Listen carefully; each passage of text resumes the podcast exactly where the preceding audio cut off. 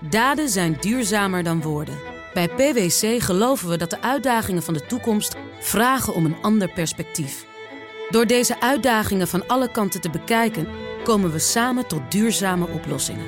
Zo zetten we duurzaamheidsambities om in acties die ertoe doen. Ga naar pwc.nl. Cryptocast wordt mede mogelijk gemaakt door BitTonic. Al tien jaar lang de Bitcoin-autoriteit van Nederland. BNR Nieuwsradio. Cryptocast. Herbert Blankenstein. Welkom bij de Cryptocast met vandaag. Stablecoin Tether was in diskrediet, maar groeit alweer. Notabene komt dat door ingrepen van de Amerikaanse toezichthouder. En in het Westen trekken regelgevers de teugels aan, maar in Azië staan de nieuwe cryptocentra alweer te dringen. Dit is nummer 260 van de Cryptocast met eerst een half uur crypto nieuws op de radio. Daarna gaan we door als podcast over ordinals en inscriptions, oftewel NFT's, non-fungible tokens op Bitcoin. Met vandaag gast Peter Slachter, hartelijk welkom. Uh, en co-host Bert Slachter. Ja, ik uh, noem de een maar gast en de andere co-host. is een beetje uh, lotomoutijzer, zou ik bijna zeggen. Klopt en wel. allebei analist bij de digitale nieuwsbrief Bitcoin Alpha. Welkom ook Bert. Ja, dank je. Wij geven geen beleggingsadvies. Vorm je eigen mening, maak je eigen keuzes. Geef ons niet de schuld. Crypto kan lucratief zijn, maar is ook riskant. Nou, Tether dan. Hè. Het marktaandeel van uh, stablecoin Tether groeit alweer heel snel. Markt leek de laatste jaren steeds meer voor, voor uh, concurrenten te kiezen. Maar door ingrepen van de Amerikaanse toezichthouder, de SEC, is nu USDT, de Tether, weer populair. Um, Peter, eerst maar eens eventjes... Uh, een stablecoin, kun je dat even definiëren voor ons? Even back to basics. Ja. Um, ja, het is, het is eigenlijk wat het zegt. Het is, het is een munt met een stabiele waarde. Um, en als je dat wat generieker trekt, dan is het een, een uh, munt die de prijs van een, een ander activum volgt. Kan van alles zijn. Um, dat, dat kan een andere cryptomunt zijn, of een aandeel, of een mandje van, uh, van andere munten, of goud. Maar in de praktijk zie je dat het meestal om staatsmunten gaat, bijvoorbeeld de dollar of de euro. De dollar is het grootst. Ja. Um, en die kunnen door een centrale partij worden uitgegeven. En dan denk je aan Tether of aan Circle, USDC. Um, of aan Paxos, BUSD, daar gaat het zo meteen nog even over hebben. En je hebt de decentrale varianten. Um, dan kun je denken aan TUSD, Luna, Terra. Oeps, hè? ja. Um, en DAI bijvoorbeeld, die bestaat al wel uh, best wel lang. Ja. Ja, het is toevallig, want volgens mij is het daar om en nabij precies een jaar geleden dat, uh, dat Terra USD begon te wankelen. Maar dat terzijde. Okay, ja, ja. Maar Tether, um, Tether wordt nu dus weer populairder. En terwijl die uh, ja, een beetje aan het afglijden was. Want uh, de, de, de dekking werd niet zo erg uh, vertrouwd. Daar waren ze wel aan het sleutelen. Dat ging wat beter. Ja. Maar wat brengt Tether nu weer terug in de lift? Um, ja, gek genoeg heeft dat te maken met ingrijpen van toezichthouders in de VS. Ja. Um, en dan hebben we het over twee toezichthouders. Um, we hebben de New Yorkse toezichthouder op financiële diensten. En de SEC, is de effectenwaakhond. En die hebben allebei hadden ze even pijlen gericht op Paxos, de uitgever van BUSD, Binance USD. Um, en de ene toezichthouder die had problemen uh, met de wijze waarop die uitgegeven werd. Dat was de New Yorkse toezichthouder. Um, die, Paxos had toestemming om die BUSD uit te geven op Ethereum.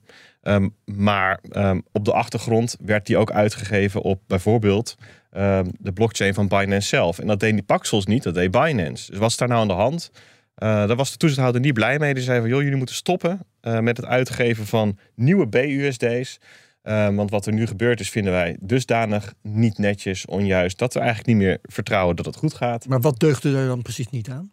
En nou, ze hadden geen toestemming om te doen wat ze deden. Oh. En um, het, het probleem op de achtergrond was dat Binance ook niet zo netjes omging met de administratie van de BUSD's die zij dan weer uh, uitgaven of verpakten uh, en publiceerden op een andere chain dan waar oorspronkelijk die BUSD's voor bedoeld. Het klinkt wel alsof het in de, inderdaad dermate on onconventioneel gaat dat uh, de toezichthouders er ook geen chocola meer van konden maken. In ieder geval ging het buiten uh, de afspraken om. Ja, en als je dat doet, dan verwacht een toezichthouder natuurlijk dat je dat netjes organiseert en regelt. En als je dat niet doet, ga je over de scheef. Ja. En dan grijpen ze in. En, en, en uh, wat er gebeurd is, dat is dat uh, Paxos niet meer die Binance USD mag uitgeven. Klopt, klopt. Ja. Dus ze mogen daar niet meer munten van in omloop brengen. Uh, dat is dus het, de, de, de ene toezichthouder, de andere die vindt of meent, zegt dat BUSD een effect is. Ehm, en Dat, is de SEC dan. Dat is de SEC en daar, dat krijgt misschien nog een staartje. Daar is weinig over bekend, er zijn weinig details over bekend. Nou, hoe reageert de markt daarop? Ja, door op zoek te gaan naar een alternatief voor BUSD. En dan Is komen dat nodig dan? Want eh, hij bestaat nog wel. hij, hij bestaat nog wel, maar het is natuurlijk de, de, de liquiditeit ervan die gaat omlaag over de tijd heen. Dat weet je vrij zeker, want er mogen geen nieuwe worden uitgegeven. Mhm. Nou ja, en, en het is aan eh, voor beleggers natuurlijk is, het, is, het, is die liquiditeit belangrijk. Dat als jij ehm, ja, olie wil gebruiken, want zo worden stablecoins vaak gebruikt in de crypto Smeermiddel. het smeermiddel van de cryptomarkt, Ja. dat het ook voorhanden is. Eh, dus nou ja, en- en men gaat op zoek naar een alternatief. En dat betekent niet dat er exclusief naar Tether toe wordt gestapt. Dat kan ook, eh, kan ook een deel van in Bitcoin terecht zijn gekomen. Of in USDC. Maar het is heel duidelijk eh, dat dat moment dat naar buiten kwam, ehm, dat BUSD op termijn ten einde loopt, ehm, dat het marktaandeel van Tether weer omhoog ging. Ja. Zo erg is het dus wel dat de Binance eh, ehm, stablecoin echt gaat ophouden te bestaan. Is dat zeker? Ja, ik, ik ga ervan uit van wel. Ja, ja, ja. Ja, Binance zelf heeft ook al gezegd, joh, als dit zo is, dan gaan wij ook eh, nadenken over een alternatief. Dus we gaan dan onze handelsparen die tegen BUSD zijn, die gaan we tegen een andere stablecoin doen en zo. Overigens 60% van de handelsparen en het volume op Binance was al USDT, Tether dus. Dus Binance was eigenlijk al min, het- hun eigen stablecoin was al een minderheid. Maar ja, tenzij ze met de toezichthouders eruit komen, gaat, is het, dus het basispad is dat het gewoon verdwijnt. Ja. Nou is de marktkapitalisatie van Tether gestegen van 67 naar 68 miljard. Als ik het goed heb. En die van eh, de Binance stablecoin van 15 naar 14 of van 16 naar 15 of zo. Er is een miljard Ja. opgegaan. Ja, is dat veel? Dat voor Tether is dat eigenlijk geen heel erg groot percentage. Het is onder de 2% Nou, als je het uitdrukt in, in de fractie van wat er al aan, aan tethers in omloop was, zou je misschien denken van nou, dat is niet zoveel. Maar gewoon in, in, als absoluut getal is een miljard dollar natuurlijk wel significant. En zeker in, in deze huidige periode, waarin er ook gewoon weer rente ontvangen wordt eh, op de dollars die daar in de kluis liggen. En dan, dan levert Ja. Tether gewoon zo'n eh, zo'n zo'n extra miljard, levert gewoon 10, 20 miljoen dollar aan extra inkomsten op op jaarbasis. Dat is leuk voor Tether. Ehm, hoe schadelijk is het voor Binance? Kunnen ze dit hebben? Of Ja hoor. Ja? ja, dus eh, de, op, op zichzelf. ehm, kijk, kijk, Binance wordt hierdoor geraakt, mogelijk aan de inkomstenkant. Ehm, het, het goed bewaarde geheim is dat zij de inkomsten uit die renten, uit die rente en het gebruik van BUSD deelden met Paxos. Dat staat natuurlijk nergens op papier, want officieel mocht dat niet. Ja, en het is een stukje reputatieschade wat ze oplopen. Ja. Maar op zichzelf kan Binance dit prima hebben. Dus ik zou niet zeggen het is desastreus. Het is wel pijnlijk. Ja, en eh, zorgen over Tether, eh, zijn die er nog? Is het de minste van twee kwaden? Of eh, is Tether in veilig eh, haven intussen? ja, de, rondom Tether hing heel veel rook. Ik zou niet willen zeggen dat het allemaal opgetrokken is. Dat is denk ik een proces van jaren. Want nou we, we weten allemaal, vertrouwen gaat te voet. Gaat te paard, komt te voet. Ja, zo en het, ehm, ja. eh, ze zijn wel bezig geweest de afgelopen jaren om hun reputatie op te schonen. En dat doen ze onder andere door openheid te geven van zaken over wat ze in de kluis hebben liggen. Ja. Ehm, en daarin zie je een, een goede beweging. Dus ze hebben nu helemaal geen commerciële papieren meer in de kluis liggen. Maar vooral cash en staatsobligaties. Het begint steeds meer te lijken eigenlijk op hoe ehm, de gereguleerde Amerikaanse partijen hun kasbeheer doen. Ja. Ehm, maar helemaal, eh, het is nog geen, eh, eh, het blazoen is nog niet helemaal schoon. Eh, dus daar gaat denk ik tijd overheen. Maar de richting is, is goed. Oké, goed. Nou, dan eh, laten we het hierbij wat eh, de stablecoins betreft. Gaan we het hebben over de prijzen met Bert Slachter. Ja, ik zit er niet toch? ook zit. Ja. Hier zit in plaats van normaal gesproken aan een lijnverbinding. Ehm, ja, we zitten al een tijdje eigenlijk tegen die 25.000 dollar aan te hikken. Hè. Vandaag, voor de zekerheid voor de mensen die dit als podcast beluisteren, vandaag is 21 februari. Ehm, zat weer eh, de bitcoin tegen dat plafond aan te bonken en eh, viel weer een stukje terug ook uiteindelijk. Ja. Ja, en eh, ik bedoel, op, op zichzelf wel goed om ook even het perspectief te hebben van dat dat dus al 60% hoger is dan waar we in november stonden hè, op 15.000. Dus Jawel. het is eigenlijk al best een hele stap omhoog. Alleen, ehm, en het ging ook heel snel in januari. En nu, nu niet. Nu, nu is het elke keer tegen die 25k aan. En ehm, we komen er niet doorheen. En dat is best wel een gebruikelijk patroon. Hè. Dus je zegt vaak dat ehm, diagonale lijnen, het trends, die worden sterker als je die vaak raakt. En horizontale lijnen, die worden zwakker als je ze vaak raakt. Want dat, wat het mechanisme daarachter is dat daar uh, dat is een, voor veel mensen een betekenisvol niveau. Er liggen veel orders, er zijn veel mensen die daarop traden. Ja, dat, het duurt een tijdje voordat dat weg is, zal ik maar zeggen. Ja, de, want, want daar, liggen, uh, daar ligt eigenlijk een dijk van verkooporders. En die moeten eerst allemaal de deur uit. Ja, verkoop, Werkt het gewoon zo? Verkooporders. Soms zijn het ook gewoon strategieën. Hè? Dus het wordt vaak via algoritmes en bots getrade. Maar dus worden, zijn, we worden natuurlijk wel geprogrammeerd op bepaalde um, uh, signalen. Dat heeft dan te maken met hoe, hoeveel Ehm, eh, wat, wat, voor soort indicatoren zie je daar dan? En er komen op 25.000 ook wel een paar dingen bij elkaar hoor. Er zitten wat lange weerstanden, of lange, sorry, lange gemiddelden. Hè, dus het 50 en het 200 weekse gemiddelde. Dus dat zijn gemiddelden die een, een lange termijn trend aangeven. Ja. En er ligt de top van 15 augustus vorig jaar. Eh, dus het zou betekenen, want wat, wat is nou de essentie van een een, een bullish en een bearish trend. Nou, bullish, dan zie je dat je hogere toppen, hogere bodems hebt. Met andere woorden, het stijgt als je er gewoon zo naar kijkt. En, uh, en bearish is het lagere toppen, lagere bodems. Nou, als we nu weer een top boven die van 15 augustus vorig jaar neerzetten, dan heb je eigenlijk die bearish trend gebroken. Want in plaats van dat je lagere top hebt, zien we weer een hogere top. Dus dit, dit is, er zijn heel veel mensen die hier naar kijken. Je kan eigenlijk zeggen, die 25.000, dat is een beetje het maximale wat je verwacht als bearmarkt rally. Dus als we nog in een bearmarkt zitten, en dit is een correctie daarin, of een rally in een bearmarkt, dan is dit nog te verdedigen. Komt hij hierboven, dan wordt dat een lastiger verhaal. En daarom, ja, je zou het kunnen zien als een soort strijd, hè, zo visualiseren. Ja, Een strijd tussen bulls en bears. En zo lijkt het ook, want als ik de afgelopen dagen kijk, dan zie ik die, die topjes boven de 25.000 die we toch elke dag wel zo'n beetje zien, die zie ik steeds net iets hoger worden. Ja. Um, betekent dat dat, uh, dat hij de vroeg of laat doorheen gaat? Of, of kun je ook hebben, wat ik me ook zit te realiseren, als hij maar lang genoeg tegen die grens aanhikt en hem niet haalt, dan valt hij op een gegeven moment redelijk ver terug. Nou ja, je zou kunnen zeggen, er is nu um, wind in de rug naar, bo naar boven toe. Hè? Dat duwt hem er elke keer tegenaan. En als dat blijft, dan gaat hij er een keer doorheen. Maar het kan ook zijn dat de wind draait. Hè? En, en, dat is namelijk wel hoe markten werken. Hè? Als, als er straks bijvoorbeeld de dollar wordt sterker... of er is um, slecht macro-economisch nieuws... Hè? of er is slecht fundamenteel nieuws in de cryptosector... over verboden en dat soort dingen. Nou ja, dan kan je, heb je kans dat het weer eerst ja. een stuk naar beneden gaat. Laten we daar dan even over gaan hebben. Wat uh, zit er in het vat deze week bijvoorbeeld dat daar richting aan kan geven? De, deze week niet zo heel erg veel. Oh. We hebben wel de notulen van de Fed die deze week bekend worden gemaakt. Dus het zijn de notulen van de rentebeslissing van 3 februari. Um, die komen dan altijd drie weken later. Um, daar, zou, er zouden aanwijzingen in kunnen zitten. Uh, vorige week hadden we de inflatiecijfers. Um, die hadden vooral heel veel effect op andere financiële markten. Uh, dus de rente die steeg, de dollar werd sterker, goud en aandelen die daalden wat. Maar oh, bijzonder genoeg niet zo op Bitcoin. Dus die deed eigenlijk iets wat tegen, die, tegen de verwachting in gaat. Dus dat is opmerkelijk. Bitcoin lijkt een beetje in zijn eigen wereld te zitten. En wat dan wel interessant is, dat als je um, wat uitzoomt uit onze Nederlandse westerse berichtgeving, dan zie je dat er vooral heel veel um, ja, zeg maar positieve invloed uit Azië en het Midden-Oosten lijkt te komen.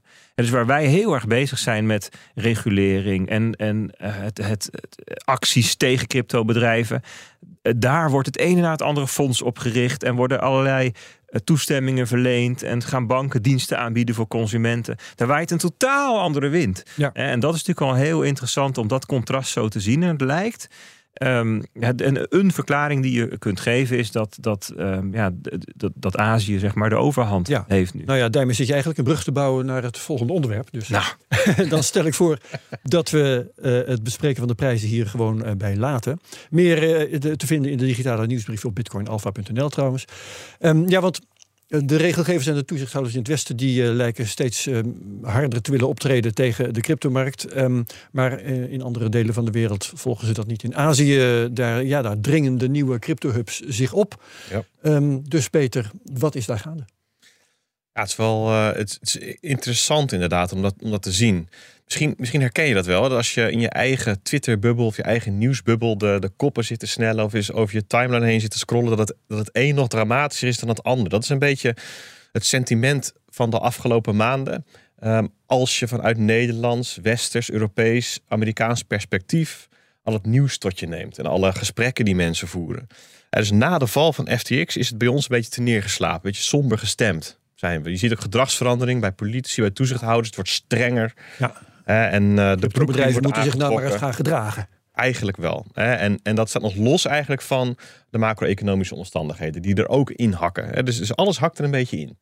Um, en mijn um, gebruik in dat soort tijden, als ik dat merk bij mezelf, dan probeer ik altijd even uit te zoomen. Eens kijken of het overal zo grijs en bewolkt en grauw en nat is. Nou, en dan valt toch al vrij snel op dat ze, ze in het oosten, en Azië en het Midden-Oosten, um, dat daar toch wel een heel ander sentiment heerst. Daar is na de val van FTX eigenlijk de focus weer heel snel teruggekomen op groei en uitbouw en een heel constructieve modus eigenlijk.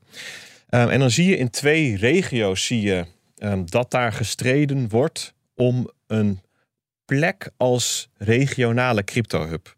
Is, zijn dat communicerende vaten? Doen ze dat omdat ze weten dat uh, met name in Amerika dan, maar in Europa ook wel um, de cryptosector wordt aangepakt? Um, ik denk dat dat voor Azië niet geldt en voor het Midden-Oosten wel. Hm. En dus wat je in Azië ziet, dan heb ik het over Hongkong, Singapore, Japan, maar ook Zuid-Korea. Het bijzonder Busan, de, op één na grootste stad geloof ik eh, in Zuid-Korea. Um, dat zijn allemaal jurisdicties waar al veel langer duidelijke regels zijn uh, voor het mogen aanbieden van cryptodiensten. En mijn hypothese is dat beleggers wereldwijd het prettig vinden met FTX achter de kiezen na 2022 om, om in een jurisdictie actief te zijn waar een bepaalde stabiliteit heerst. Ja, vinden cryptobedrijven eigenlijk ook wel. Dat geeft een bepaalde zekerheid. Hè? Um, kijk, voor het Midden-Oosten heb ik het over Dubai, Abu Dhabi, Oman en er zijn wat meer um, landen en stadstaten in die regio. Ik denk dat zij er wat opportunistischer in zitten. Wat doen uh, al die landen actief om uh, aantrekkelijk te worden voor cryptobedrijven? Daarbij in, in Azië uh, hoeven ze daar dus qua, um, qua regelgeving weinig voor te doen. Um, daar zie je dat, dat, de, dat er uitgebouwd wordt op wat er al lag. Um, in Hongkong komt uh, vanaf 1 juni gaat daar een licentieregime uh, treedt dan in werking. Dat betekent dat daar gewoon van buitenaf ook allerlei bedrijven zich gaan vestigen. Um, als je nu door je, door je Twitter timeline scrolt, dan zie je ook allerlei exchanges zeggen van nou, wij gaan ons daar ook registreren. Dat is wel wonderbaarlijk trouwens, want Hongkong is tegenwoordig China. Klopt. En China is tegen crypto. Ja, en zelfs China staat er op de menukaart als um, jurisdictie die die relatief goed gezind is ten opzichte van cryptovaluta. Ik vind dat zelf moeilijk te duiden. Ik, hmm. ik zie dat een beetje als wensdenken, eerlijk gezegd. Dus ik denk van wie? Dat, dat, van wie? Ik denk dat dat vooral een narratief is. Een beleggersnarratief. Beleggers. En dat, en dat zie je ook wel. Um, nu ook wel veel speculanten. Joh, we moeten China coins hebben. en, en dat, munten die een verbinding met China hebben. Precies. Oh zo, okay. en, en ja, goed, ik, Wat voor verbinding dan? Ja, de, op, de oprichters of waar het project of waar de developers oh vandaan komen, of een toepassing, zo, zoiets. En ik, ik zie dat vooral als speculatief verhaallijn. Uh, maar wat er in Hongkong, Singapore, Japan, Zuid-Korea gebeurt, dat is gewoon fun, zijn fundamentele ontwikkelingen. Daar zie je de economische activiteit naartoe trekken. Nou, en in het Midden-Oosten, zij presenteren zich als, um, ja, als, als plekken met interessante fiscale voordelen. Maar ook gebieden die qua regelgeving snel kunnen schakelen. Want daar zit vaak ook gewoon een regime uh, die van de een op de andere dag de, regels, de spelregels kan veranderen. Ja. ja. en als dat in jouw voordeel gebeurt, is dat leuk. Als dat later in jouw nadeel gebeurt, is dat natuurlijk. En dus het geeft niet per se dezelfde zekerheid uh, als die Aziatische regio's. Um, maar daarbovenop hebben ze nog een voordeel. En dat is dat het gewoon ja, heel vermogenden uh, vermogende gebieden zijn. Waar ook veel vermogenden rondlopen. Waar dus veel dat, investeringsgeld ja, hebben. voor bedrijven natuurlijk interessant om in te vissen. Ja, um, Bert, wij, wij hebben het vaak met jou over wat er on-chain allemaal te zien is. Kun je dit soort gebeurtenissen ook terugzien in het uh, crypto geldverkeer? Uh, dat er bijvoorbeeld meer gekocht wordt vanuit. A ja? Zeker, ja, ja, ja. Dus, wat, dus wat, wat men dan doet is uh, ofwel kijken naar um, bekende entiteiten, IP-adressen, dat soort dingen, dus echt geografisch. Of men kijkt naar de handelstijden. Dus dan zeg je, je knipt de aarde op in drie gebieden. Hè, dus wanneer het overdag is in Azië, Europa en VS. Ja. En zo kun je dan zien, uh, uh, in, in, in die periode stroomt er nou geld naartoe of gaat er dan geld weg. En je ziet eigenlijk al langer, al sinds 2021, dat um, Amerika die een hele grote Um, uh, voorsprong had opgebouwd die aan het afbouwen is. En eigenlijk sinds eind 22 heeft Azië het stokje echt overgenomen. He, dus dat is een beweging die al wat langer is ingezet en nu ook heel duidelijk zichtbaar wordt. Ja, Oké, eh, we gaan het nog even hebben vooruitkijkend uh, over de podcast die we zo direct opnemen. NFT's op Bitcoin um, is een redelijk controversieel, controversieel onderwerp, uh, Peter. Waarom is dat? Um, ja, kijk, we hebben natuurlijk buiten Bitcoin heel veel gezien uh, van NFT's. En ja. dat waren vooral heel. Ethereum, Solana. Precies, en dat waren vooral um, best wel speculatieve bubbels. Mm -hmm. hè, waar, waaronder wellicht fundamentele vernieuwing uh, zit. Uh, maar dat, dat werd duidelijk overstemd door alle speculatie daaroverheen. Um, en dat circus, dat belandt nu op het Bitcoin-netwerk. En, en de vraag is, wat vinden we daar dan van? Nou, en daar zijn allerlei manieren om daarnaar te kijken. Um, hè, er zijn techneuten die er wat van vinden. Er zijn um, um, monetaristen die er wat van vinden. Er zijn gebruikers die er wat van vinden. Ja, en die meningen die staan niet, die zijn niet altijd met elkaar in lijn. Sterker nog, die staan een beetje haaks op elkaar. Wat er hoort ja. bij Bitcoin en wat niet. Ja, moet het wel kunnen? Moet het wel ja. mogen? Was dit de bedoeling? Moeten we dit verbieden? Ja, was ja. dit wel de bedoeling? En wat is dan de bedoeling? bedoeling? Welke risico's brengt dit met zich mee? Of, of, zijn het vooral kansen? Uh, hoe, hoe, verhoudt zich dat tot elkaar? Ja, sloopt dit Bitcoin? Is dit het einde van Bitcoin? je, dat soort teksten kwamen er ook langs. Maar er zijn wel degelijk, er zijn wel degelijk bepaalde risico's waardoor je kan zeggen van nou dit is wel tricky. Maar goed, daar gaan we het in de podcast over. Ja, leuk. Um, goed, uh, in de podcast inderdaad. Wat maakt die Bitcoin, sorry, die NFT's op Bitcoin mogelijk? Welke mogelijkheden opent dat? Wat zijn de nadelen? Wat, wat zijn de meningsverschillen? Daar gaan we het over hebben in de podcast. Tot zover de Cryptocast op BNR. Bedankt Bert Slachter en Peter Slachter, allebei analisten uh, bij de digitale nieuwsbrief Bitcoin Alpha. Als je meegaat naar de podcast, heel graag. Tot straks in de podcast. Anders heel graag tot volgende week bij BNR op de radio. Dag. Cryptocast wordt mede mogelijk gemaakt door BitTonic. Al tien jaar lang de Bitcoin-autoriteit van Nederland. Daden zijn duurzamer dan woorden. Bij PwC geloven we dat de uitdagingen van de toekomst vragen om een ander perspectief. Door deze uitdagingen van alle kanten te bekijken, komen we samen tot duurzame oplossingen. Zo zetten we duurzaamheidsambities om in acties die ertoe doen. Ga naar pwc.nl.